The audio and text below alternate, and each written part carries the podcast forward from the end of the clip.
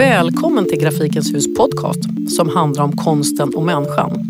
Jag heter Nina Bäckman och jag är chef på Grafikens hus som är ett museum och en mötesplats för konstformen grafik. Hos oss kan du se, göra och köpa grafik som är olika sätt att trycka på, vanligtvis på papper. Grafikens hus öppnade 1996 i Mariefred. Det totalförstördes av en brand 2014 och har nu flyttat till Södertälje där vi kommer att bygga ett nytt museum. Under tiden jobbar vi med flera konstnärliga projekt i Södertälje. Till exempel hitta nya vägar och nå publik. Som till exempel göra en podcast.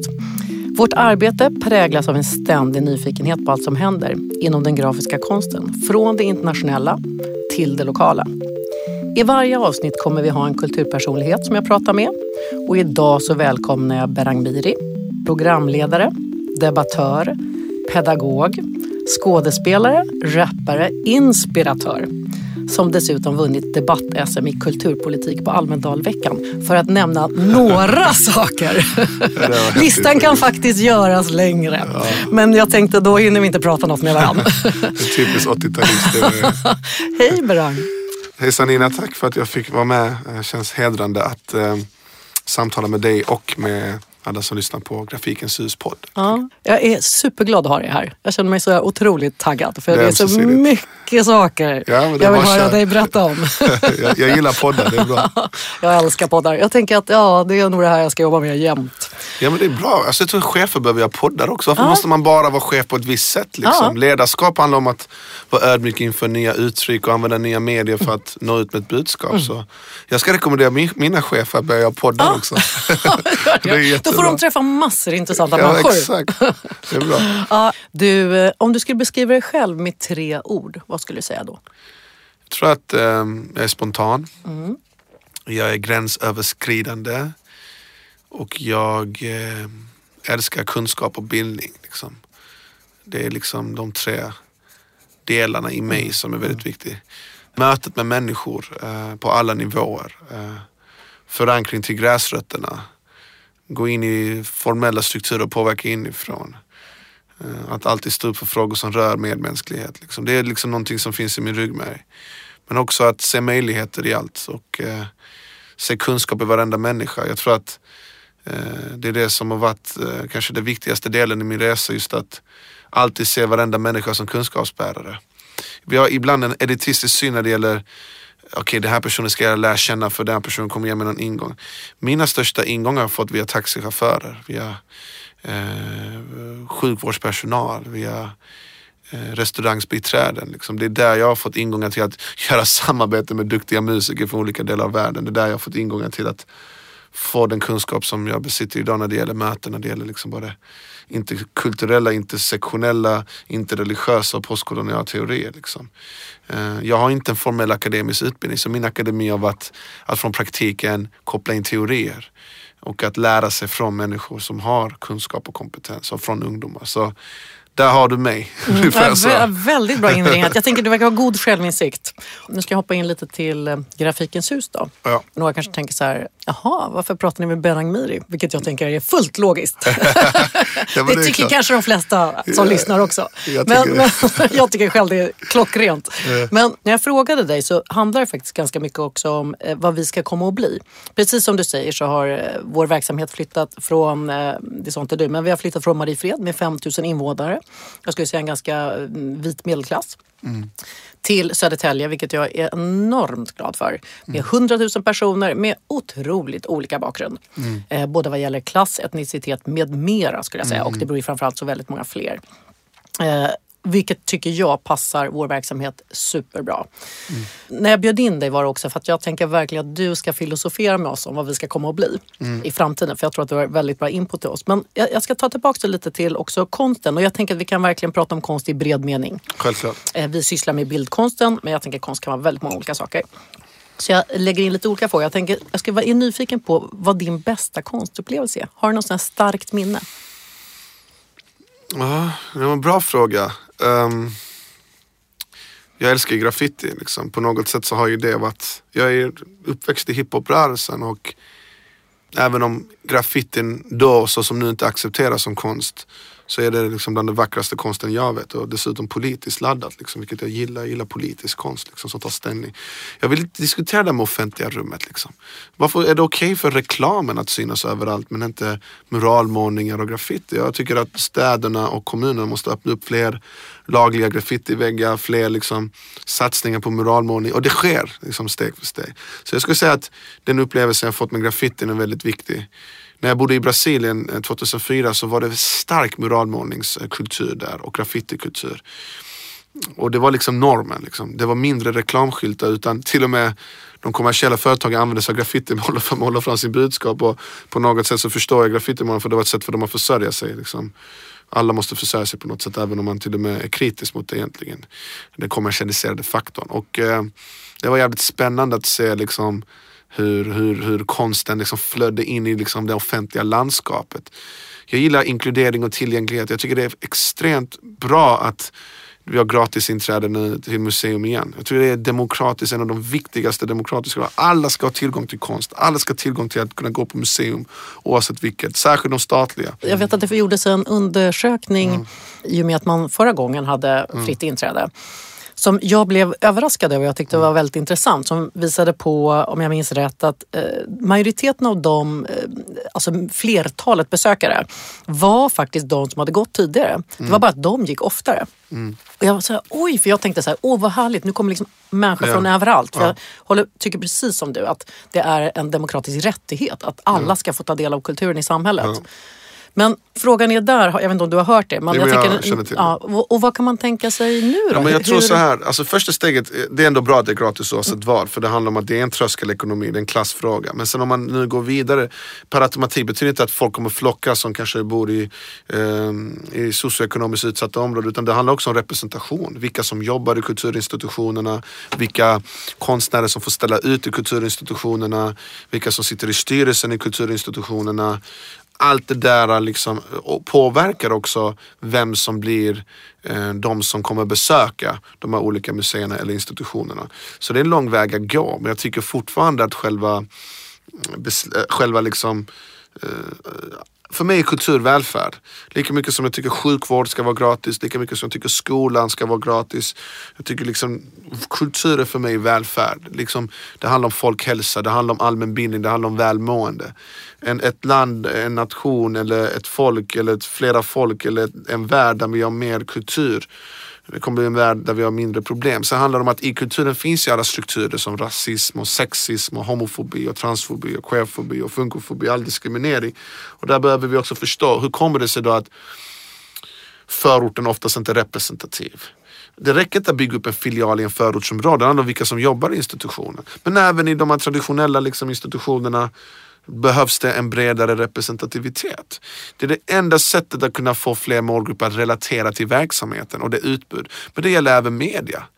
Uh, vilka är det som jobbar? Alltså det finns eh, Myndigheten för kulturanalys har tagit fram en väldigt intressant statistik. Jag är inte hundra på siffrorna men det är ungefär ditåt.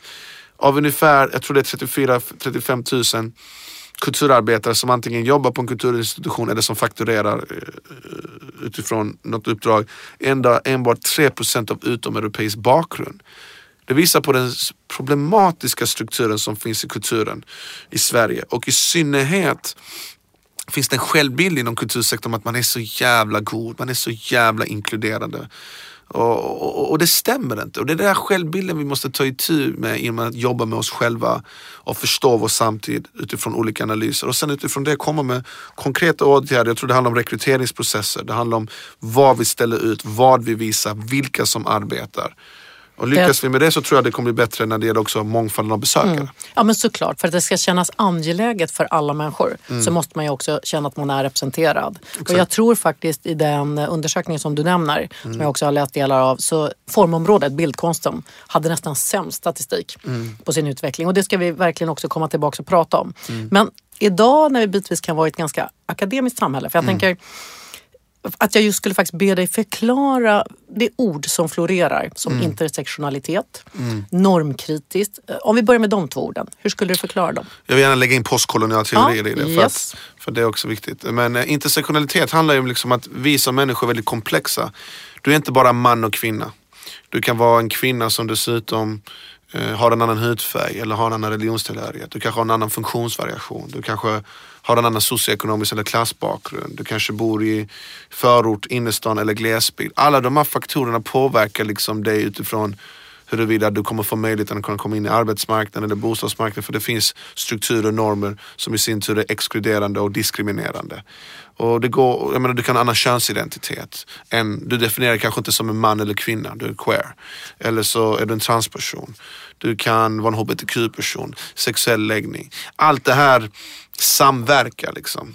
Eh, du och jag, liksom, ja, definierar, hur definierar du dig utifrån kön? Är du definierar dig som kvinna? Ja. Och jag definierar mig som man. Eh, men vi är inte, du är inte bara en kvinna och jag man utan jag är muslim exempelvis. Då har vi liksom aspekten islamofobi som drabbar mig. Du är kvinna, du drabbas av sexism. Sen kan vi liksom titta på klass. Okay, jag vet inte vilken klassbakgrund du definierar utifrån. Liksom. Idag så skulle jag inte säga att idag är jag någon form av medelklass men jag ser mig inte som medelklass. Jag har inte en akademisk utbildning, mina föräldrar, eh, utbildning men mina föräldrar har. Men de har ju också i sin tur flytt hit och varit tvungna att börja om från början. Det är så komplext liksom hur olika normer och strukturer både samverkar och påverkar både individer och grupper. Så det är liksom det som intersektionella teorier förklarar. Normkritik handlar om att förstå hur olika normer påverkar dig som person och även som grupp. Det finns ju könsnormer, vi ser dem i leksaksaffären, liksom, kvinnoavdelningen, tjejavdelningen där det är liksom köksredskap som är det som tjejer ska liksom lära sig leka med och fostras i en bild av att kvinnor ska vara hemma och liksom ta hand om familjen. Eh, Killleksakerna är mer liksom utåtagerande, det är svärd, det är pistoler. Det liksom, liksom ger också en bild av att en kille får lov att vara utåtagerande. Så där har du könsnormer. Liksom. Så har du eh, heteronormen. Eh, varför måste det vara en kärnfamilj som människor måste leva i idag? Det finns ju stjärnfamiljer. Det finns ju familjer där det finns två mammor eller två pappor eller där du har flera föräldrar.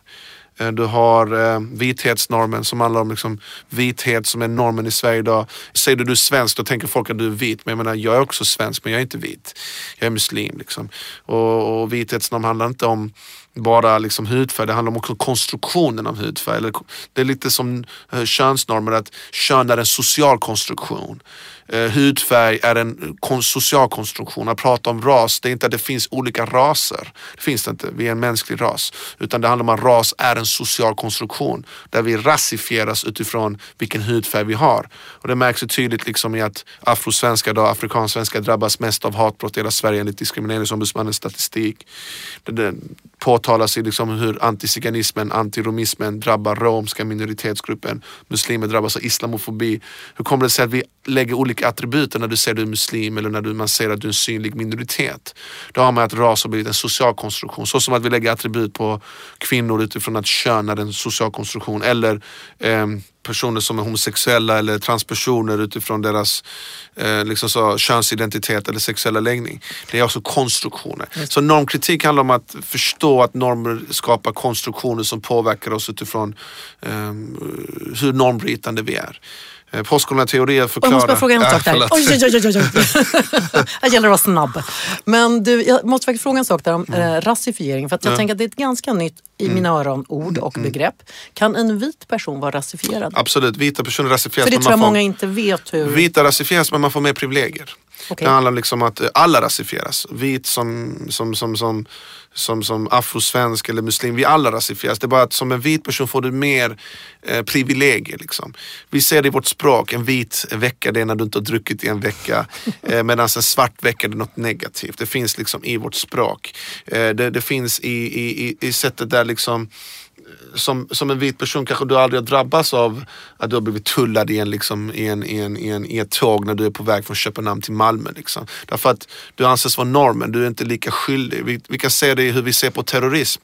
Uh, vi först och främst beklagade fruktansvärda terrorattacker som skedde i Bryssel igår och som skedde i Paris. Men att när det hände i Kronogården så pratar vi inte om att eh, Anton Lundin är en terrorist. Därför att han, han är då liksom utifrån sin hudfärg normativ, utifrån sin religionsbakgrund normativ. Plötsligt så börjar man prata om psykisk ohälsa istället för att prata om att han är organiserad. Det är också terrorbrott. Lika mycket som det som Isis gör är också terrorbrott.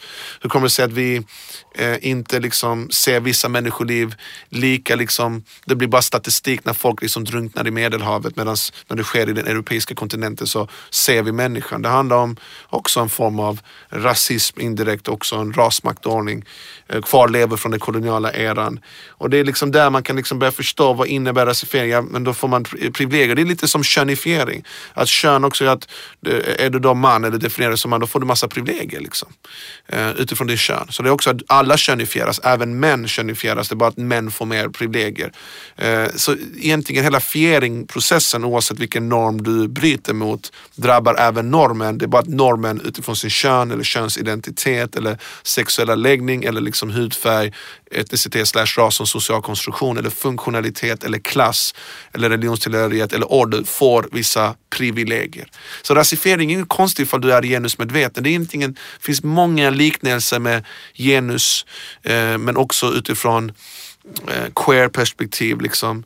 Eh, och, och, och, och, förstår man det så kan man måste börja liksom diskutera varför vår samtid ser ut så som det gör. Och bara, bara betona att det här med postkolonial teori, det handlar om att förstå hur den senaste liksom, kolonialismen som utfördes av de europeiska stormakterna påverkar olika minoritetsgrupper idag. Vi lever i kvarlevorna varav post från den kolonialismen som liksom än idag existerar. Om vi tittar på Sápmi liksom, i norra Sverige så kolonialiseras fortfarande liksom, Sameland. Och där samerna har upplevt så otroligt mycket förtryck och rasism. Och på något något sätt så måste vi prata om vår historia för att förstå vår samtid och hitta från vår historia åtgärder för hur vi kan förbättra för olika människors levnadsvillkor. Men om vi blundar för vår historia, vilket jag tycker man har gjort i Sverige, där man plötsligt från att vara, ha varit en av världens största rasbiologiskt forskande, utvecklande, alltså i de här teorierna till att man liksom säger nej, vi liksom är liksom i vår identitet finns en självklar antirasism. Men detta kan inte ske på 5-10 år, en sån här radikal förändring. Från 30-40-talet Sverige till 50-talet då man står upp för Vietnam och Sydafrika mot apartheid. Och där måste vi lära oss lite från USA och från England där man har tagit itu med sin historia på ett mycket annorlunda sätt än Sverige där man har pratat om det och där har man kommit mycket längre i de här frågorna som rör intersektionalitet, normkritik, genus till en viss del och queer-teorier och postkoloniala teorier än i Sverige där man har vi har uppfostrat i Sverige senaste liksom 20-30 åren att alla här är antirasister. Liksom. Rasisten är alltid den andra. Liksom. Medan rasismen kan vara internaliserad, den kan vara strukturell såsom individuell. Den kan finnas i vår vardag, det handlar om vilka du umgås med. Hur ser representationen ut på din arbetsplats? Hur, hur, hur. Och det är därför det är så himla laddat när man frågar. För att självbilden det tar på. Men jag har alltid varit antirasist. Men rasism handlar inte bara om organiserad rasism som vi ser i fascistiska rörelser eller rasister. Det handlar ju också om det strukturella och det internaliserade liksom som, som, som handlar om att rasismen kan finnas i oss, liksom internaliserad. Och då kan en person som drabbas av rasism också få ett självhat och en mindre världskomplex där man ser ner på sig själv. Vilket jag gjorde som en ung, där jag inte trodde på mig själv. Jag skämdes för min pappa för han hade en annan dialekt, eller som det kallas inom situationstecken brytning. Det var en viss självhat för jag ville vara som Kalles kaviartuben. Jag ville vara som det som var normen. Jag försökte bli det, assimilerade till det och det bearbetades, eller det skapades en självhat och en mindre världskomplex som jag har tack vare att jag börjat jobba med mig själv brutit. Så vi behöver också mycket psykologi i detta och psykoanalytiska analyser. Wow! Men du, när du också pratar om de där grejerna, pratade med Jesper Waldersten om det som var här förra gången, i en väldigt, som jag upplever, politisk tid. Mm. Precis som du säger, det otroligt hemska som precis har hänt i Belgien. Mm. Jag tycker även i Sverige att det finns, eh, det finns en polarisering om man så säger. Mm. Tror du att det är annorlunda att växa upp idag? Apropå det här du sa med självhat och hur man såg bilden och hur man mm. upplevde sig själv. Tror du det är annorlunda för unga personer idag i Sverige? Alltså jag tror att det positiva är att mycket av det som jag nu kort lyfte, det börjar bli mer och mer normen och det tycker jag är jättebra. När jag var liten, jag visste ingenting. Vadå intersektionalitet? Vadå postkoloniala teorier? Liksom, vi pratade knappt om genus liksom. Eh, och, och, och, och, det är väldigt bra. Därför att det gör ju att fler och fler börjar bli medvetna. Jag märker att i skolor så börjar man jobba med de här teorierna. Vi ser det liksom i även kulturinstitutioner börjar man bli mer och mer medveten. Man börjar prata om representation och inkluderingsprocesser. Och, och det är positivt. Jag tror att Mm, våra barn och den yngre generationen kommer inte behöva uppleva vissa aspekter av självhat och, och, och eh, internaliserat förtryck som kanske min generation upplevde som ändå eh, vi var så tydlig minoritet, vi är en större minoritet idag. Även om vi inte har inflytande och makt på det sättet så börjar fler och fler få det. Vi har fler och fler förebilder. När jag var liten och kollade på TV, väldigt få som såg ut som mig. Idag finns det lite fler. Men det räcker ju inte. Vi måste göra ännu mer. Vi behöver politiska åtgärder och vi behöver liksom lagstiftning också. Men vi behöver också en större folkbildningsinsats i de här frågorna. Det räcker inte med tre minuter. Du själv har ju barn till exempel. Mm. Eh, alltså kommer din dotter hem med historier som du kan känna igen från när du var liten eller, eller är det lite mer så här, för att jag tänker också ta ner det till så nästan varje dag nivå. Jag fattar. Hur hon blir mött. Alltså hon blir ju, alltså vi bor i Malmö. Där är vi normen liksom. Alltså det må, man måste vara ärlig. Du, du, ni kommer jobba i Södertälje, där är en person som är normen. Liksom. Så att på något sätt så Malmö är en annan stad att prata om än om vi skulle prata om liksom en annan kommun. Liksom. Så jag tror att i Malmö så känner hon sig som normen. Men det är klart att hon ställer, sig, ställer de frågorna fortfarande. Liksom, i att, jag som muslim, eh, varför behandlas vissa muslimer på det här sättet? Jag minns att när hon gick i dagis så var det någon dagispedagog, alltså det, majoriteten var fantastiska men någon som typ pratade illa om somaliska barn framför henne. Hon kom hem och ställde frågor kring Somalia. Liksom, för många av hennes vänner är somalier. Det finns en stark afrofobi som drabbar somaliska minoriteten och många andra som är svarta. Så jag menar, det är klart att hon ställer sådana frågor ibland. Liksom, varför är det så att...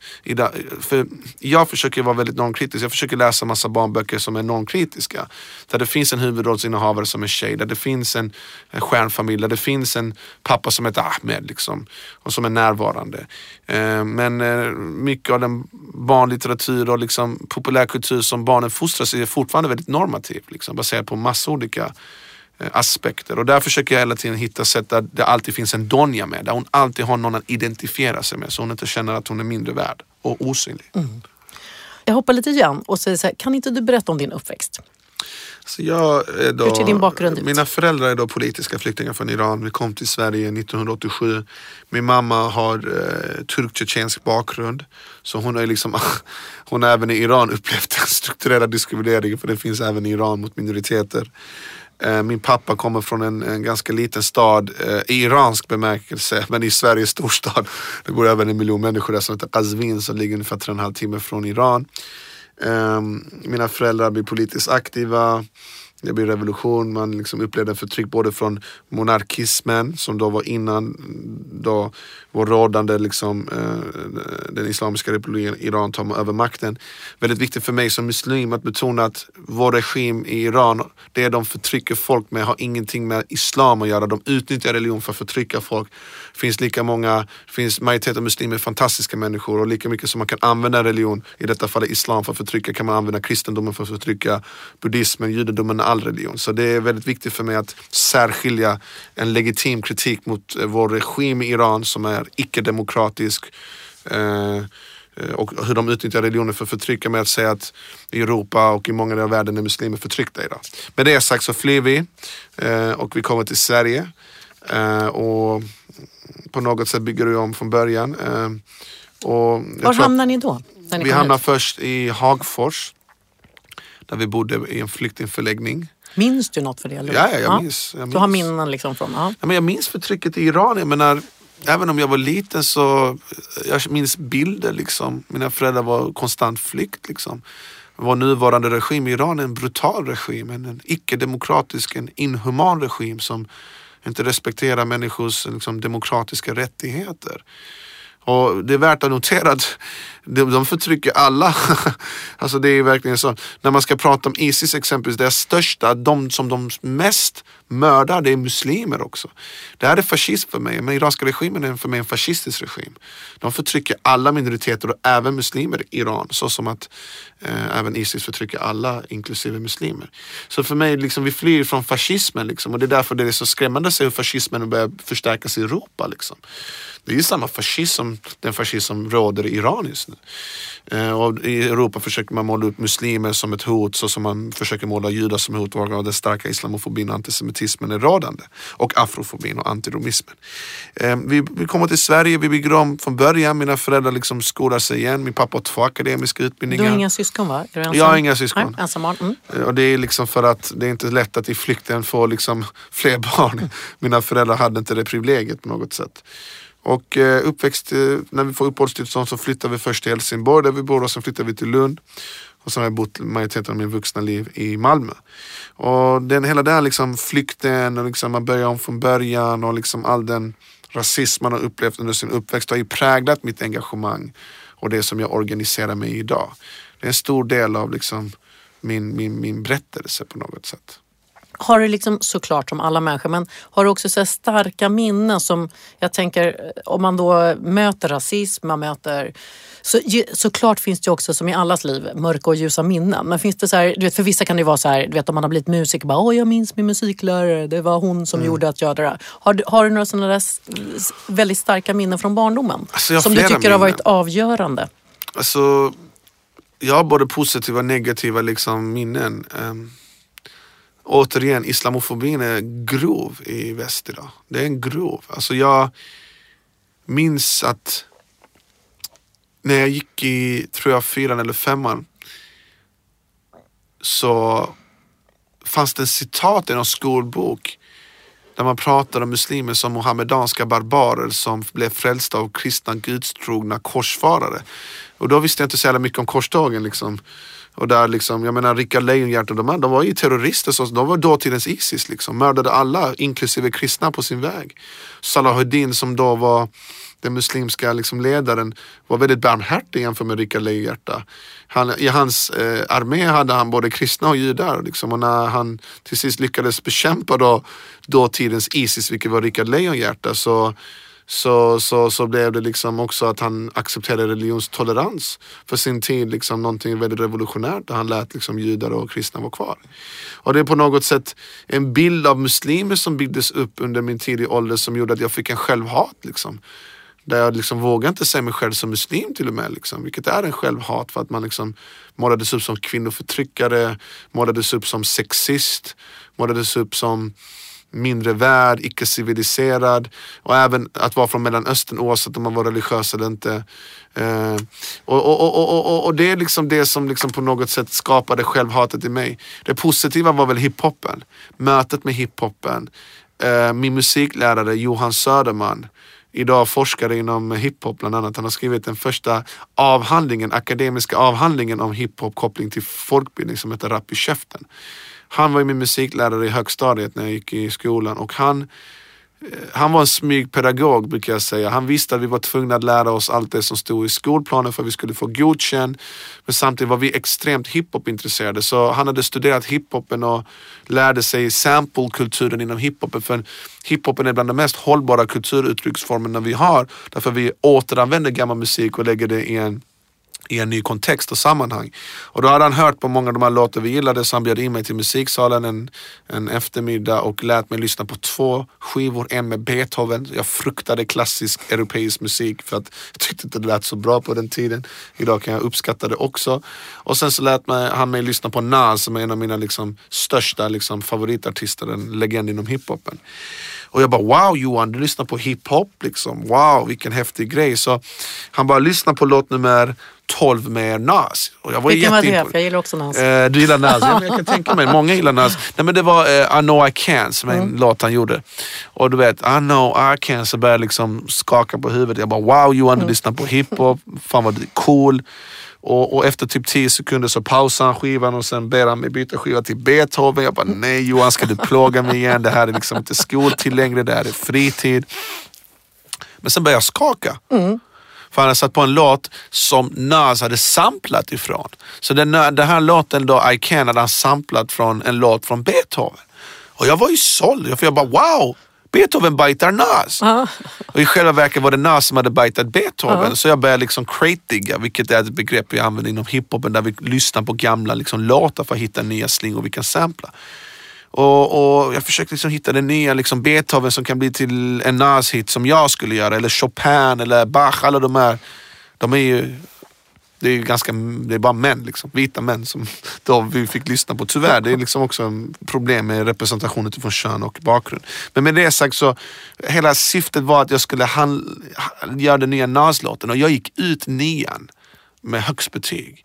För att jag förstod efter ett tag den här tematiska mm. kopplingen mellan traditionell liksom, klassisk musik oavsett om den är från Europa eller Mellanöstern eller Östafrika eller Latinamerika eller Östasien med hiphopen. Jag har samplat jättemycket liksom folkmusik från, från Mellanöstern. Det kan vara persisk, turkisk, kurdisk, arabisk, från Östafrika, etiopisk, eritreansk, från Västafrika, gambiansk, senegalensisk, från Latinamerika, från eh, Östasien eh, och gjort hiphop av det.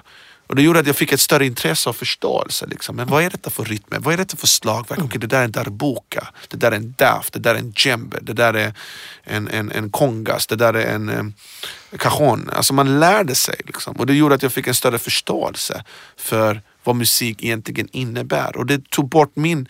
För jag, ganska, jag var ganska så fundamental, fundamentalist inom min hiphop-konsumtion. Det var bara hiphop, det skulle bara vara underground. Jag tror att den 17-åriga Berang hade dissat 32-åriga Berang som har varit med i Melodifestivalen två gånger. För då var jag verkligen så icke kommer. För mig handlar bra musik kan vara vad som helst. Jag kan tycka så, alltså viss typ av pop är jättebra musik. Jag lyssnar på Justin Biebers nya singel och wow, det är bra låt. Det liksom. sjukt bra Samtidigt som jag älskar eh, som vis, alltså gamla trubadurer som gjorde som äh, arbetarvisor. Eller lyssnar på Povel Ramel eller Cornelis Vreeswijk. Vilka fantastiska mm. låtar. Liksom, det finns en kombination. Ja, men, liksom. Och kanske just att den här mixen är väldigt härlig. Jag tänker att det låter lite mm. som kanske hela du är. Jag är en hybrid. Att, precis, du är en hybrid. Jag är kreoliserad. men du, är det till och med så att du kommer ihåg så första låten du skrev? Kommer du ihåg så här raderna? Skulle kunna köra? Alltså jag rappar på engelska. Vi var ju så amerikaniserade mm. i vår eh, konsumtion tyvärr, hela samhället är väldigt mm. amerikaniserat. Mm. Även om jag älskar hiphopen och den delen av den amerikanska samhället. Mm. I USA är en väldigt, du har å ena sidan liksom um, extremt stark strukturell rasism och sen har du ett motstånd också. Och det motstånden är jätteinspirerande och hiphopen är en del av det. Så jag minns att jag rappade mycket på engelska och uh, Wu-Tang var ju min mm. favoritgrupp. Wu-Tang, NWA, Uh, Tribe Called Quest, De La Soul, jag lyssnar mycket på Mos Def och Talib Kweli, Dead Prez. Uh, Paris. Men, men, sitter den kvar någon, så här, för jag tänker ibland kan folk vara såhär, åh det var den första du vet, så här, raden jag skrev om man har skrivit en roman mm. eller en... Har, är det någon alltså, det var så där... mycket svordomar. Alltså. det var liksom, jag, vill, jag vill nämligen höra dig köra. Det är så svårt att, alltså, jag har haft olika epoker i min musikalitet. Som alla, så jag var ju också själv fett liksom som ung liksom normativ utifrån min syn på kön. Man använder mycket liksom förtryckande ord mot kvinnor, tyvärr. Ja, för jag tänkte att jag skulle säga det om mm. hiphopkulturen mm. som du sa förut. Eh, mm. Och jag, det finns fantastiskt mycket i hiphopkulturen tycker jag också, som själv gillar hiphop väldigt mycket. Men den har ju också en ganska manschauvinistisk sida, Absolut. delar av den. Och där är jag också väldigt konsekvent, att jag skulle aldrig acceptera att man skulle bara prata om hiphop. Så för rocken är lika mycket manschauvinistisk. Det är bara det att i och med att hiphopen är svart kultur så blir det per automatik lättare för majoritetssamhället att slå mot hiphopen än mot rocken som allmänt är mm, görs av, av, av, av vita. Liksom. Och det är där jag menar på att chauvinism finns i alla kulturer. Så som jag säger, det finns inom alla ställen i världen. Men det är så lätt, jag menar vi hör ofta att hiphopen är så sexistisk och homofobisk. Ja, det finns det. det. det. finns homofobi, det finns sexism, det finns inom rocken, det finns inom punken, Just. det finns inom... Så varför bara prata om hiphopen? Det tycker jag blir rasistiskt om man bara pratar hiphopen. Men självklart finns det även i hiphopen så som det finns inom rocken. Och jag skulle vilja att vi pratar inom alla musikaliska kulturer. Så jag vill bara säga det mm. först innan vi går Sant. in i det. Sen, sen, sen har jag ju självklart själv fostrats i ett samhälle där det finns både sexism och homofobi. Varav att mina texter, när jag går till var 15 år, fanns mycket homofobiska ord och väldigt mycket sexistiska ord. Och det är ingenting jag står för. Och det var en del av liksom att man internaliserade liksom, den normen till att man själv utförde den. Liksom.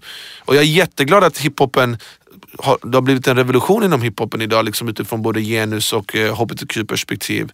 Mycket tack vare rappare, Eh, men vi tar liksom bara liksom Silvana eller liksom mm. Cleo eller Lilla Namo eller Linda Pira. Att det kommer fram tunga rappare som har satt genusfrågan på kartan.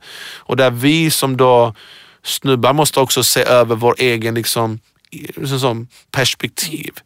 Sen är det fortfarande så att majoriteten av hiphop, eh, vad ska man säga, eh, hiphoputövarna blir rasifierade. Så det är fortfarande så att det är lättare, så varför ska man bara slå på förortens killar som att de vore liksom mer sexistiska medan jag ser sexismen överallt. Lätt för den kostymshunon att säga, lyssna, du som har baggy jeans, du är mer sexist, men menar, finns det inte sexism där du är? Och dessutom har du makten. Majoriteten av de som är hiphoputövare har inte makt. Och det som är fantastiskt med hiphopen, det har, varit, det har gett oss en identitet. Ja, första gången jag blev stolt över min bakgrund var när Dogge går upp och bara säger att jag är en stolt svartskalle.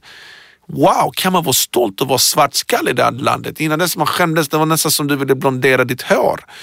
Eh, men nej, man kan vara stolt och vore det inte för Latin Kings så hade jag inte varit den jag är idag. Och idag har vi tusentals Latin Kings. Så samtidigt som vi måste vara självkritiska i rörelsen och jobba mer med genus, för det är viktigt, för det finns fortfarande sexism inom hiphoprörelsen och det är oacceptabelt. Vi måste synliggöra fler kvinnliga utövare, ge dem plats, ge dem tolkningsföreträde och att vi också backar som, som män och att vi ökar jämställdheten lika mycket som vi måste jobba med hbtq-perspektiv och inte acceptera homofobi eller transfobi eller queerfobi för det är oacceptabelt. Lika mycket så måste vi också backa upp kampen mot strukturell rasism. Det ena utesluter inte det andra. Jag kan inte vara en antirasist och samtidigt vara en sexist. Det går inte. Eller vara en homofob man kan inte vara en feminist och vara en rasist samtidigt. Så det måste, och det, det tror jag att vi har blivit mer intersektionellt medvetna.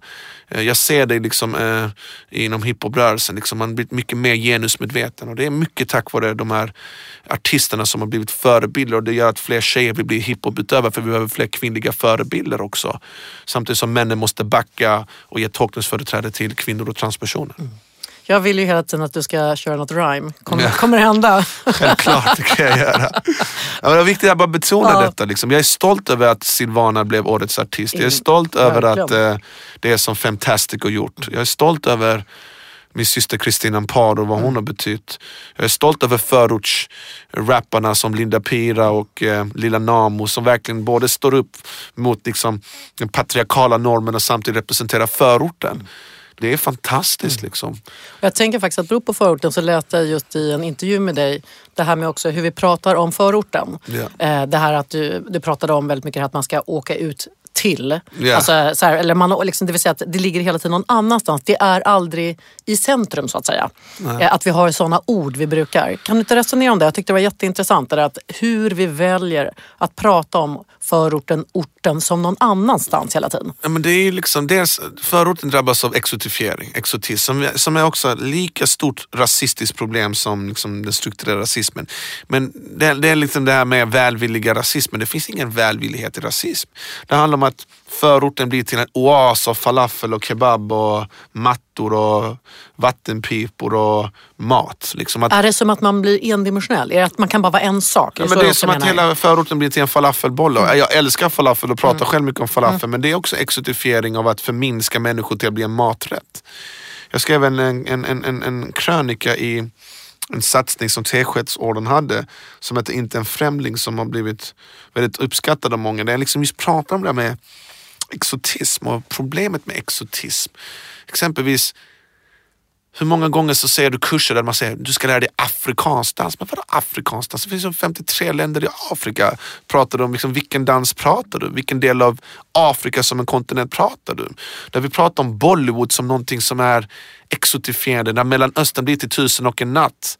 Eh, det blir till Alibaba och, och sjörövare. Det blir liksom, när det väl ska pratas i positiva tendenser. Och, så blir det väldigt konservativt kanske? Är det så? Att, exotifierande. Ja. Det är inte konservatism i sig. Det handlar liksom, exotifiering handlar liksom om att det här exotiska blir liksom att också avhumanisera det. Vi ser det i maskeradkulturen där folk vill klä sig ut i något annat. Vilket... Men blir inte det exotiska något som har varit tänker jag?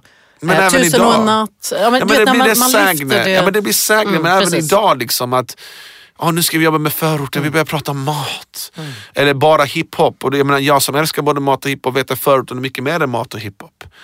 Alltså förstår du vad jag menar? Liksom? Mm. Att vi måste normalisera utan att kommentera. Och, och, och sen är det också att i och med att förorten inte är representativ i institutionernas värld så blir det varje gång man ska göra något projekt för att inkludera folk på förorten, då ska man åka ut i förorten. Det visar något om att förorten finns inte på din arbetsplats. Folk som är uppväxta eller bor i förorten arbetar inte på din arbetsplats. Och samhället, majoritetssamhället sänder en signal att om du ska vara framgångsrik och lyckas då ska du flytta från förorten. Vilket också är problematiskt. Varför ska man göra det? Det är dessutom dåligt därför att om du bor kvar i din förort då kommer du kunna liksom, dela med dig av alla de ingångar du får i, i, i och med att du kan få ett jobb någon annanstans. Så hur, ser, en... liksom, hur ser det ut för dig? Bor du kvar till exempel i Malmö där du alltid har bott eller liksom, har du bytt gata? Alltså, eller? Jag är inte liksom bara uppväxt i förort, det är väldigt viktigt att betona. Liksom. Men jag har bott mycket i förortsområden och jag bor i förortsområden och för mig det som är unikt med Malmö det är att förortsområdena mitt i stan. Förorten egentligen är Stockholm-ord och tyvärr har hela vårt samhälle Stockholm centraliserats i sitt sätt att se på det. Så nu, orten idag är liksom en synonym för miljonprogramsområden men Möllan ligger mitt i stan. Um, Rosengård ligger mitt i stan. Ehm, eh, um, Medan här måste ni åka 40-50 minuter för att ta dig till Hässelby. I Stockholm bor jag i Hässelby. Jag trivs väldigt bra där. Um, för mig är det viktigt med, en, med ett område som, som är dynamiskt. Jag tycker att Stockholms innerstad har gentrifierats något otroligt. Det är dyrt, det är väldigt homogent, det är inte inkluderande eh, utifrån både klass och massa andra aspekter. Men går du tillbaka till 50-talet så var ju liksom Stockholms innerstad det var ju arbetarområden. Liksom. Men idag så inte är det minst inte det. söder, verkligen. Ja men verkligen. Och, det, och, och, och Malmö har inte gentrifierats på samma sätt än. Det börjar ske. Och där finns det också ett motstånd mot det, vilket jag tror är väldigt viktigt. För det är lätt hänt att liksom, plötsligt så blir det Porsche och det, sen blir det allting hippt och då kan inte de som har historiskt bott där bo kvar för man inte har de eh, ekonomiska möjligheterna. Och jag är väldigt kritisk till de, hela omförvandlingen av hyresrätter till bostadsrätter för det gör ju också att att, att människor som inte har tillgång till att ta ett banklån inte kommer kunna bo kvar i det området. Och det är det vi ser i Tensta nu. Med liksom att hyresrätter blir omförvandlade till bostadsrätter. Och det är ett jättestort problem. Jag är inte för den utvecklingen. Det behövs alla typer av bostadslösningar, även hyresrätter. Det här med konsten till exempel, och om vi pratar då samtidskonst, vad det ska ha för roll i samhället. Liksom, vad tycker du vad tycker du konsten borde syssla med idag? För jag menar vissa pratar om att man tycker att konsten ska inte vara en nyttobärare. Mm. Det vill säga att den ska alltid gå ett ärende. Den, det inte, den får aldrig vara vad ska jag säga, i sig själv god nog utan mm. att den ska vara samhällsutvecklande eller den ska mm. driva vissa frågor. Lite mot den här projektifieringskulturen du pratar om egentligen. Mm. Eh, om det till exempel är mångfald på agendan då ska konsten syssla med det. Om det är, du förstår vad jag menar. Den jag får fattar, alltid. Men hur, hur, ser du på liksom konsten och rollen i samhället för konsten? Vad tycker du? Alltså jag tycker att konstnären själv ska alltid få avgöra hur man vill se på sin egen konst. Men sen får man bli bemött utifrån det också. Um, Däremot så, jag är väldigt mer, jag ser en social koppling till konst och det är liksom hur jag ser på saker och ting. Jag ser konst som ett sätt att organisera, mobilisera, inkludera, folkbilda. Det är så jag ser det. Jag gör inte min konst bara för att frigöra mig själv. Jag är inte så individualistisk i mitt konstuttryck. Sen säger jag inte att alla måste tänka som jag. Jag tycker det är viktigt med en variation av olika typer av konstnärer med olika perspektiv. Ehm, däremot så Projektifieringen är ett stort problem. Eh, jag tycker man måste jobba långsiktigt och hållbart med konst och kultur generellt. Eh, sen så tycker jag att representationen måste bli bättre. Alla former av konst måste kunna synas och alla former av alla typer av alla konstnärer med olika bakgrund. Och sen tror jag att eh, man kan inte i konstens namn fly undan sitt ansvar som medmänniska. Jag tycker det är liksom lite problematiskt. Liksom att, kan du ge något exempel? Men typ att Vadå? Bara för du, alltså jag tycker det är oacceptabelt med rasistisk konst. Det betyder inte att jag kommer förbjuda dig att göra det men då får du stå din kast att folk kallar dig för rasist eller sexist eller homofob. Men det är som att i konstens namn får göra vad som helst. Liksom. Nej, vi har regel och lagverk. Du kan bli bedömd, du kan bli dömd. Um, det kan handla om hatbrott. Men kommer ehm. vissa då hävda att ja, men om det är, eftersom vi har regler och lagverk så kommer du också bli dömd om du gör ett konstverk som är som ett hatbrott, det vill säga. Eller mm. är du med? Vissa kommer ju argumentera för det. Alltså kolla, folk får göra vad de vill. Mm. Vi lever i ett samhälle där vi lever i demokrati. Men du får bli dömd utifrån det du gör. Eh, och eh, jag tycker att eh, är den rasistisk så kommer jag säga det rasistiskt. Mm. Sen får du göra det. Liksom. Vem är jag att förbjuda det? Jag har inte den makten och jag vill inte förbjuda det. Jag kommer säga att det är rasistiskt. Jag kommer argumentera. Jag kommer säga att det här är problematiskt. Och eh, går det att eh, anmäla det så kommer jag göra det. Liksom. För att jag tycker det, ska vara, det är min demokratiska rätt att visa motstånd. Eh, men är det, det något speci- Jag tänker för ibland men jag tänker Dan Park Nej. exempelvis i Malmö som ja. är han är ju en konstnär, eller för mig en uh, rasist först och främst. Liksom, jag kan rakt och säga. Liksom, för att vad, vad, han gör i konsten, det är liksom att avhumanisera minoriteter. Berätta om honom för de som inte vet. Alltså egentligen, jag är inte intresserad av att prata om som fenomen. Liksom, mm. Utan jag är intresserad av att prata om debatten kring det här. Alltså att, kolla, jag tror att i Sverige har man glömt bort, eh, det är sin egen historia. Dels, vad är satir? Jag älskar satir. Jag älskar satir, men satir för mig har alltid varit ett verktyg där minoriteter slår uppåt. Satir är maktkritiskt verktyg. Satir har varit maktkritiskt oavsett om det handlar om humor eller om det handlar om eh, alltså så, konst som är satirisk och jag älskar det. Och, och, och, och, och jag, jag älskar det faktum att i ett samhälle där vi måste ha yttrandefrihet, det är liksom A och O, Eh, och där vi måste ha liksom konstnärlig frihet och satiren är väldigt viktig. Däremot, vad händer när makten använder satir mot minoriteter? Då avhumaniserar du. Eh, I Nazityskland så hävdade nazistiska satiriker att det de gjorde när de gjorde nidbilder på judar, romer, homosexuella och politiska meningsmotståndare, det där är konst.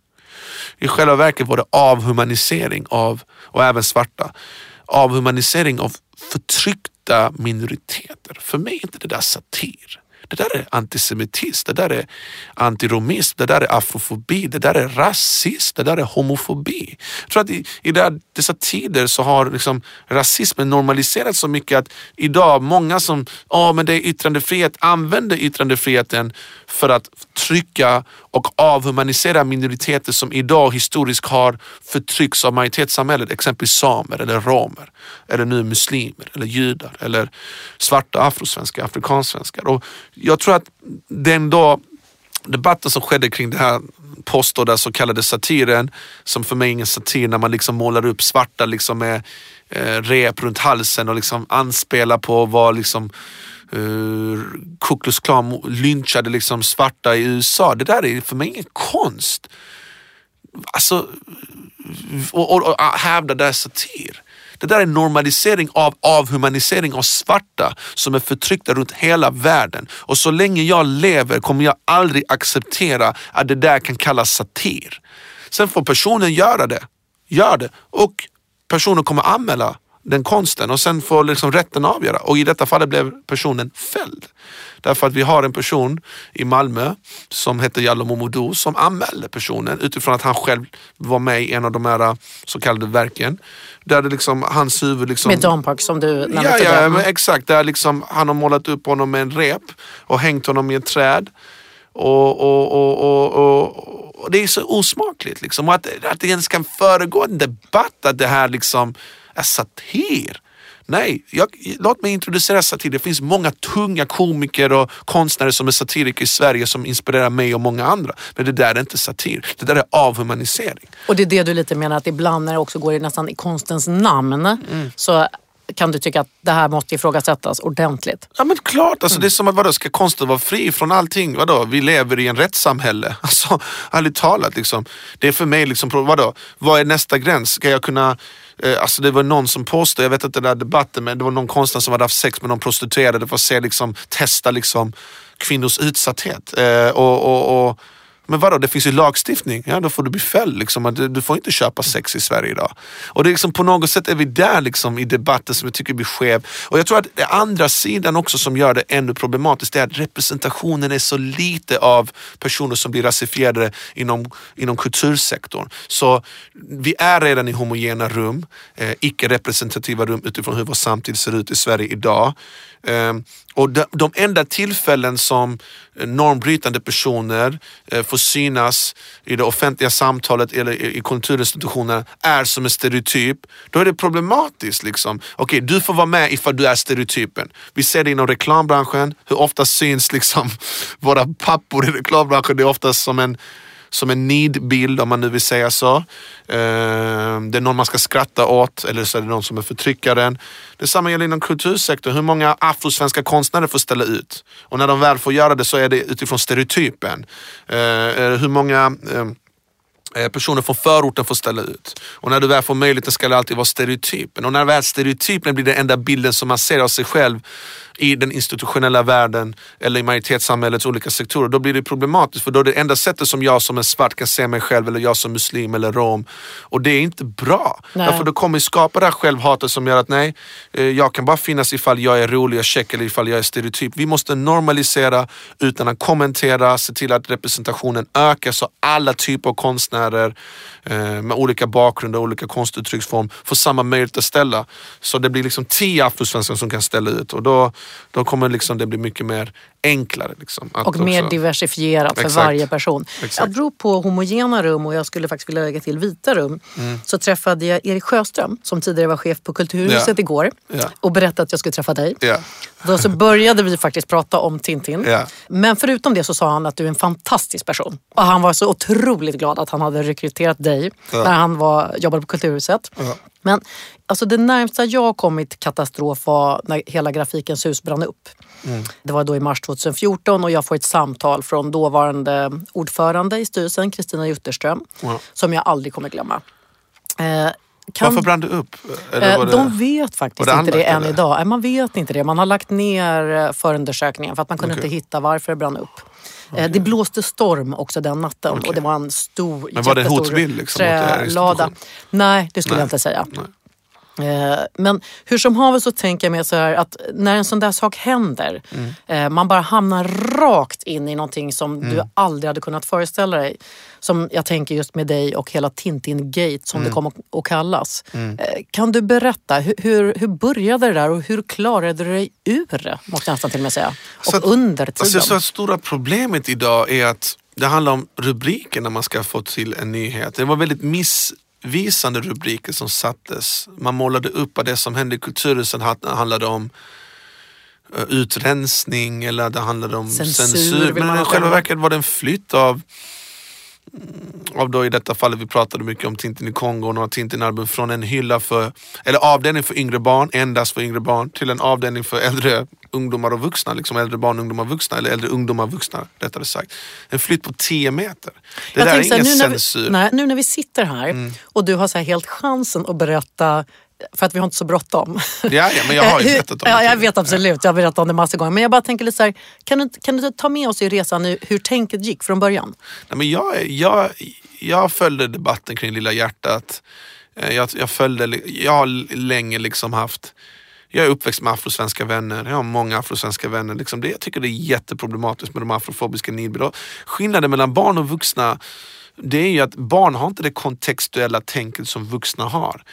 En vuxen kan placera olika bilder och berättelser i olika sammanhang. Därför kan allting finnas till hands för oss. Jag menar, jag skulle kunna läsa Hitlers Mein Kampf eller Mussolinis liksom självbiografi utan att för den delen vara nazist eller fascist utan för att jag vill veta var de har fått sina fruktansvärda icke-demokratiska Eh, ideologier, ideologier ifrån. Men vi skulle aldrig göra Mein Kampf till en barnbok. För barn har inte samma kontextuella förmåga. Barn kan inte placera allt i sammanhang utan det blir ju normaliserat för många barn. Särskilt när man läser det själv utan vuxna som kan hjälpa en att placera det i olika kontexter.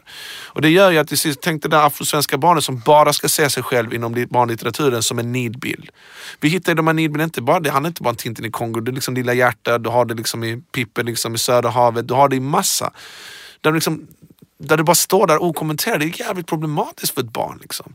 Och för mig, liksom, ett barn ska inte behöva uppleva det här självhatet som jag själv har haft och många andra. Jag nämnde det i citatet med Mohammedanska barbaren exempelvis. Och jag ser skillnad mellan vuxna och barn. För vuxna kan allting finnas sant. Och jag, jag tycker absolut att Tintin i Kongo kan vara en bra litteratur att ha ifall man vill prata om kolonialhistoria, Belgiens kolonialism av Kongo, kung Leopold och liksom hur 20-30 miljoner kongoleser massmördades och liksom slaktades under 20-30 år. En del av världshistorien som vi aldrig pratar om i Europa och i Sverige. Och på något sätt så i en, i, en, i en postkolonial kurs för barn eller ungdomar använd Tintin i Kongo för att visa på hur man avhumaniserade svarta, vad en rasstereotyp är där liksom man målar nästan upp de här eh, kongoleserna som mindre, liksom, mer bestialiska, de är djur jämfört med de eh, vita karaktärerna. Och jag tror att Joanna Rubin Dranger som är då professor i konst och som också ställde ut med oss just Ja, hennes ja, verk hon är- Bildskolan. Hon är, hon är fantastisk. Ja, hon är grym. Hon är en av mina största förebilder. Ja, och håller också sin föreläsning Visuell makt. Oh ja, hon som är handlar bäst. väldigt men, mycket om hon, det här. men hon visar ju liksom på just Her- Hergés liksom konststil att han är all, allmänt eh, ganska så realistisk i sina liksom, bilder förutom när det kom till de här kongoleserna han skulle måla upp som han målade upp som djur. Som att svarta människor är djur. Och jag tror att den här bilden liksom, och folk kan säga att det här är en del av vår historia, det påverkar oss inte idag. Men om då den enda bilden av dig själv du ser är som en stereotyp, särskilt som barn, vuxna kan ändå placera saker i olika kontexter, då är det problematiskt. Och då menar jag på att det är viktigt att antingen ha en pedagogisk inriktning när du jobbar med sådant material, att du kan koppla det till det koloniala, avhumaniseringen. Eh, eller så, fan det här är kanske inte är en bra barnbokslitteratur helt enkelt. Jag- det är skillnad jag- mellan barn och vuxna och Ja. eh, äldre ungdomar. Liksom. Jag tycker det är ett fullt logiskt och klokt resonemang. Men hur ska du få Men fram du- det liksom, ja, men i- precis, i nu- rubriksättningar? Liksom. Verkligen, när det dessutom handlar om eh, tid- de ska censurera, de ska ta bort och så vidare. De målar ju upp att jag var bibliotekschef. Ja, jag jag var inte det. vet, Jag hade men- inte det mandatet. Det Ja. kan du fråga Erik Sjöström som var, Ja, precis. som var Jag frågar honom när jag träffar honom igen. Men, du, men du, är liksom, hur drog hela... För jag tänker när man hamnar i en sån där faktiskt mediastorm. Mm. Vad hände inom dig? Hur orkade det? Hur gick det till? Var det liksom att ringde tusen personer på en gång? Vad hände? Alltså, det är så svårt att förklara för den som inte varit med om drev hur det innebär. Det har, alltså jag är så tacksam att jag har gått igenom allt det här. Jag är mycket starkare som person idag. Jag vet exakt hur media funkar. Jag vet exakt hur debattklimatet är. Jag vet exakt hur liksom, lika snabbt som ett drev kommer, lika snabbt går det. Jag menar, om man har is i magen så det kommer liksom en, som en vår efter liksom vintern på något sätt. Och, eh, jag tror att problemet idag det är de här snabba rubrikerna. Liksom, bibliotekschef kastar ut. Jag menar, jag du träffade Erik Sjöström, jag var anställd som konstnärledare för barn och unga. Jag hade inga mandat att ta sådana beslut först och främst. Och det var inget sådant, alltså sa, jag är inte bibliotekschef, jag är konstnärledare för barn och ungdomsverksamhet. Det är ett, jag har inte de mandat, jag har inte tagit sådana typer av beslut. För det andra, na, tyvärr finns det också många som vill driva de här debatterna till att det handlar om censur. Det handlar inte om censur. Jag skulle säga att alla vi som debatterar de här frågorna, vi är de som är som är i bräschen av att kämpa för yttrandefrihet. Men vi vill ha yttrandejämlikhet. Det finns ingen yttrandejämlikhet i det här landet idag. Det är inte vem som är som yttrar sig. Folk pratar över huvudet på människor som har drabbats av rasism eller sexism. Liksom så ska liksom hundra män prata om kvinnoförtryck. Liksom. Nej, det är kvinnor själva som har drabbats av kvinnoförtryck som ska få lov att prata om det. Men vi som har drabbats av rasism eller rasstereotyper får aldrig tolkningsföreträde, får aldrig prata om detta. Och det är det som ändrades i det här att när världssanningen kom fram att de här rubrikerna inte stämde, det handlade inte om censur, det var en flytt. Och jag menar alla bibliotek jobbar med urvalsprocesser, särskilt bland barnbibliotek. Och barnbibliotekarier jobbar med urvalsprocesser, det är inget snack om saken. Och det fanns tillgängligt, bara liksom sju meter därifrån så, så blev det ändå en intressant diskussion som har lett till att många fler liksom, röster har kunnat komma fram. Vi börjar prata om de här frågorna inom biblioteksvärlden, inom kulturinstitutionerna. Och jag är väldigt stolt att ha kunnat vara med i den utvecklingen. Sen tog det personliga smällar på mig. Självklart, jag var mordhotad, jag kunde inte bo i mitt hem. Men det handlar inte om mig, det här är en större fråga. Det handlar om rörelse, det handlar om afrosvenskar som hela tiden ska liksom förtryckas tyvärr av majoritetssamhället och många andra minoriteter. Och på det sättet så är jag väldigt stolt att vi i alla fall har de här frågorna på kartan idag. Nu när det händer, när man ser rasstereotyper, liksom, folk reagerar och nu börjar institutioner förhålla sig till det. Och det tycker jag är väldigt viktigt, liksom, att våra röster börjar liksom räknas med, att vi är organiserade, att vi är många. Och det handlar om solidaritet, lika mycket som jag som då eh, man ska, vill vara solidarisk mot för, mot eh, alla liksom, kvinnor som kämpar, eller transpersoner som kämpar liksom, mot uh, könsmaktordningen så märker jag också att fler och fler som inte drabbas av rasism börjar liksom, faktiskt backa upp de här teorierna, vilket är väldigt positivt. Jag, jag tänkte du var lite inne på det, men liksom, vilket är din största så här, personliga det där? För jag kan tänka mig att när det där går som värst, att man kan bitvis känna sig som en våt liten fläck. Att man bara, det vill säga att det är så väldigt lätt tror jag, att helt tappa självförtroende, fundera på hur man tänker, inte förstå sammanhanget. Liksom, vad är din största lärdom efter en sån sak? Alltså, jag tror mycket mer på folkbildning också. Jag tror att eh, samhället kommer inte förändras bara genom debatter i media. Jag tror det är viktigt med debatt i media. Det är en demokratiskt verktyg. Och jag, jag jobbar ju själv i media idag och eh, jag gillar media. Jag gillar att jobba med media. Jag gillar att vara en del av media. Och jag tror att media behöver göra mycket när det gäller representation. Vilka som jobbar, vilka som är skribenter, vilka som är krönikörer, vilka som är redaktörer, vilka som är programledare, vilka som är projektledare, vilka som är anställda. Det är en lång journalister. Samtidigt som det är väldigt viktigt att vi har en fri media som vi har idag. Det är viktigt. Däremot, det jag tror att vi måste också fördjupa oss. Att för mig, jag skulle kunna övertyga de flesta av de här teorierna om jag får en timme. Jag kan inte, på tre minuter, det går inte. Då blir det bara en debattinlägg och då blir det väldigt polariserat. Det blir liksom antingen eller istället för att förklara komplexiteten liksom, i de här frågorna. Jag tycker du är otroligt bra på att argumentera för de här sakerna. Eh, Så man lär sig varje gång man lyssnar på dig. Men jag tänker också lite ur det här faktiskt personliga perspektivet att om man är väldigt mycket sitt jobb, det vill säga att du verkar ha ett enormt engagemang i allt du gör. När det blåser jäkligt hårt, eh, som det gjorde i det här fallet. Sen tänker jag att du säkert hade i bästa fall bra personer runt omkring dig att backa upp dig.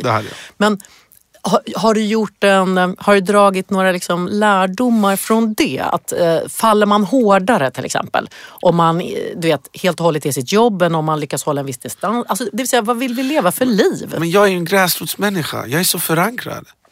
Det låter jävligt kaxigt men, men jag är en del av folket. liksom. Jag är inte ensam. Det må vara så att det ser ut som att det är en enskild individ som jagar. Så det är också liksom så. Ska inte en ung person kunna vara chef i kulturinstitutioner idag? Folk bara, han är för ung, han har kepsen på sned. Han har en annan bakgrund, han har inte en kulturvetarutbildning. Folk målar upp en sån där muslimska demoner. Liksom. Jag bara, come on, liksom. det visar på liksom problemet med dålig representation och rasism. Men nej, jag är en rörelsemänniska. Allt gör mig starkare. Jag är inte rädd för sånt där. Jag har lärt mig mycket av det och visst det tog på mig personligt. Det är inte roligt att du får bajs hemskickad. Men å andra sidan, det är Vilket många är som får sjukt. bajs hemskickad. Jag är en av mängden av folk som varit med om att bli utsatt. Jag var sjukt utsatt. Jag tänkte fly ett tag från Sverige men jag tänkte vad fan ska jag fly? Jag kan inte fly tillbaka till Iran. Jag menar vi är politiska flyktingar. Var ska jag fly? Jag menar de här strukturerna finns över hela världen och i synnerhet i Europa.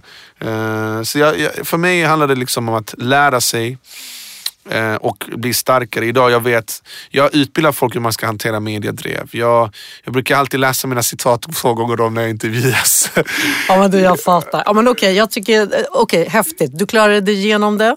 Du kände dig stark kanske med en, för jag gissar att du hade säkert också jättemycket folk som backade upp dig. Självklart. Eh, och du visste vad du ville. Men du, om du skulle vara chef på Grafikens hus. Apropå alla de här sakerna vi pratar om. Vad bli. Ja, precis, who knows, you're next up. Ja. Eh, vad skulle du göra?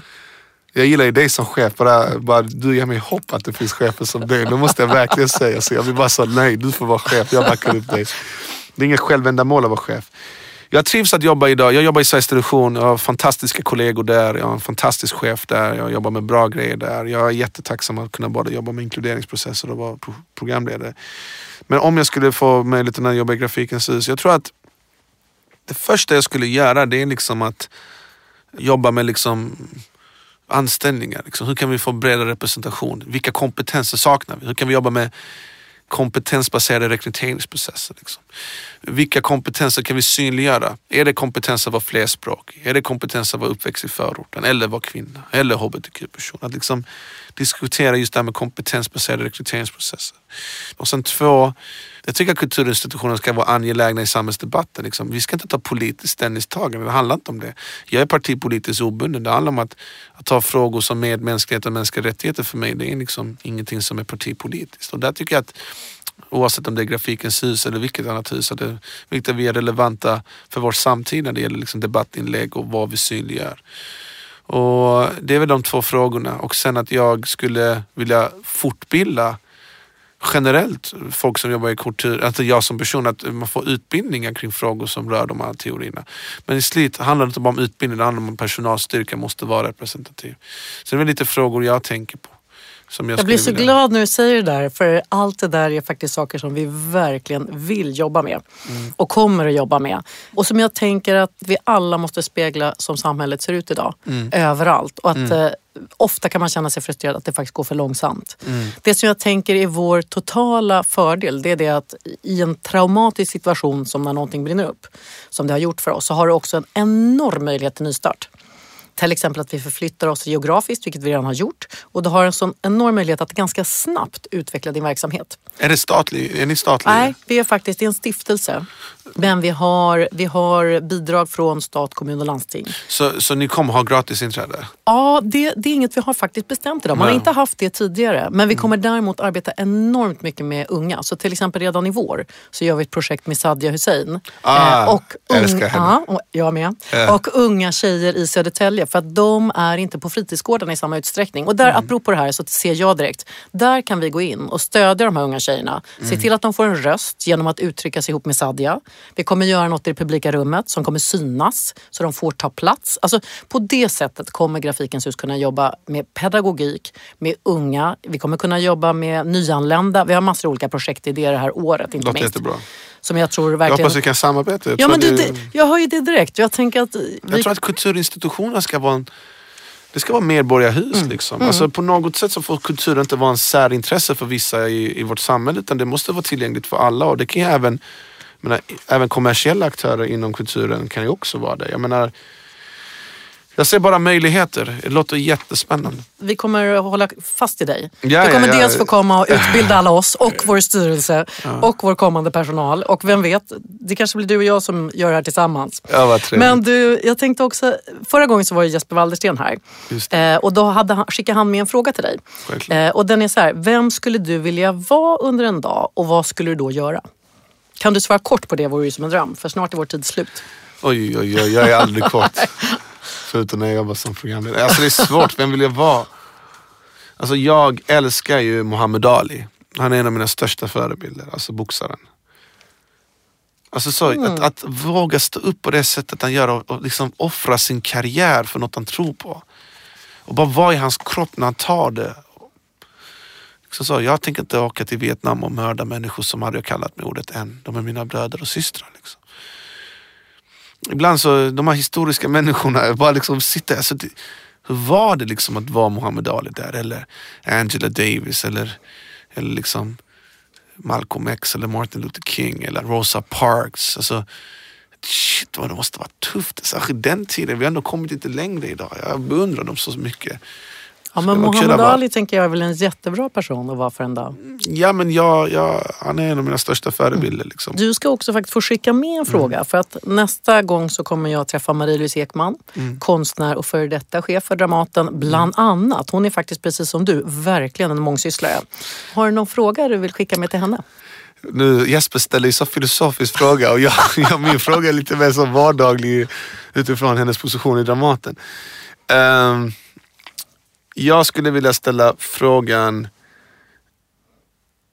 om du inte hade varit den du är idag, vad hade du velat göra? Liksom? Vad skulle du vilja syssla med om det inte vore det du gör idag? Alltså, vad skulle du vilja syssla med? Ja men det är bra, den tar jag med mig. Mm. Tack så enormt mycket för att du vill vara med Benang Miri. Egentligen skulle jag fortsätta prata med dig tre timmar till. Får jag rappa ja, det, alltså, det, herregud, då dör jag. Jag. Eh, Du ska, jag ska freestyla. Ja, do it. Så du får ge mig några ord så ska jag improvisera. Och det här, till alla er som lyssnar på den här fantastiska podd eh, så krävs det att man läser mycket böcker för att kunna freestyla. Så jag tror att många av er kan göra det i och med att många är belästa. Så ge mig några ord. Okej, vi snackar mångfald, kul, musik, jämlikhet. Jämlikhet och jämställdhet, en verklighet, inkludering, inte assimilering, inte bara profitering utan att förstå varför inkludering, motstånd mot exkludering. Och jag är den som är vän som, som gillar Mandela Nelson. Är ingen Svensson men är känd som den som är vän som, som är vän med alla. Oavsett om det heter Svensson eller Mohammed, ingen barriär ska vara där utan de ska falla. Jag är gränsöverskridande, varav mångfald kommer i bilden. Kultur är någonting bra, du vet att vi vinner det med striden. Jag vill att alla ska få samma möjligheter att förverkliga sina drömmar. Det är så vi gör. Låt mig dig berömma som är chef på Grafikens hus. Du gav mig ljus, känner att jag måste kicka låt som är kul och massa bus. Och det är väldigt bra med folkbildning som visar skildring som gör att vi tillsammans skapar en vänskapskedja. Det är därför jag älskar att jobba med media, för jag tror på public service och jag blir nervös när vi inte vill säga att det är viktigt med UR eller SVT eller SR, för vi måste ha en media som speglar hela Sverige, jag svär, och där vi har mindre produktioner och stora produktioner och illusioner. Men jag tror på den kombinationen av Melodifestival, Barnkanal och även Babel och något annat som ger svar på tal och UR som gör massa fantastiska projekt. Det är därför jag gillar det och jag tycker att ingen av oss ska vara en objekt. Och låt mig börja prata om något annat. Det var att blanda falafel med pyttipanna, sak samma. Grafikens ljus, ni brann upp men nu bygger ni om från början. Jag hoppas att ni tar bort eh, exkludering som är en sörja utan se till att reflektera representera samtiden. Representation är viktig för att du ska inte känna dig bortom i tiden utan att se den Sverige vi bor i idag där alla här kan tillsammans skapa någonting som blir så bra. Och förverkliga sina drömmar handlar om strukturer som är som normer som behandlar dig utifrån ålder och kön och könsidentitet. Ras som social konstruktion. Du fattar, en identitet är baserad på någonting som inte bara ska vara baserat på normen. Jag är normkritisk och normkreativ, fattar du? Orden kommer från mig och jag är tillsammans med dig och du är så vacker och okej. Okay? Och jag vill tacka alla er som lyssnar på mig. Ha en bra dag. Vi gör detta tillsammans. Du har inte dra för vi behöver varandra. Glesbygd, förort, innerstad, kvinna, man och hen och en vän. Funktionalitet, funktionsvariation. Tillsammans kan vi bygga en fantastisk nation som är gränsöverskridande där vi tar bort kontroller, där vi tar bort profilering baserat på etnicitet. Jag gillar inte den där trollen. Så vi ska bryta sexism och homofobi, transfobi, queerfobi, funkofobi, islamofobi, afrofobi. Jag kommer in, ingen hyckleri och jag vill visa empati även till de som har apati. Yes! Berang Miri, go! Hörru du, shit det där var ju världens bästa avslut. kommer jag aldrig glömma hela mitt liv. Alltså tack till alla som lyssnar. Jag tänker Berang, om man vill följa dig. Instagram Behrang Miri, Twitter Behrang Miri, Snapchat Behrang Miri, Facebook ja, Behrang Miri. Gå in på bara... behrangmiri.com. Och man kan lyssna på den här podden. Grafikens hus är ju än så länge under uppbyggnad men vi jobbar i projekt i Södertälje redan nu. Man kan besöka oss på grafikenshus.se. Man kan gilla oss på Facebook för där följer man vårt vardagliga jobb och lite behind the scenes som man säger. Och på Instagram. Och då kan ni följa med resan hur vi ska bygga upp det här nya museet i Södertälje och allt som vi gör fram till dess.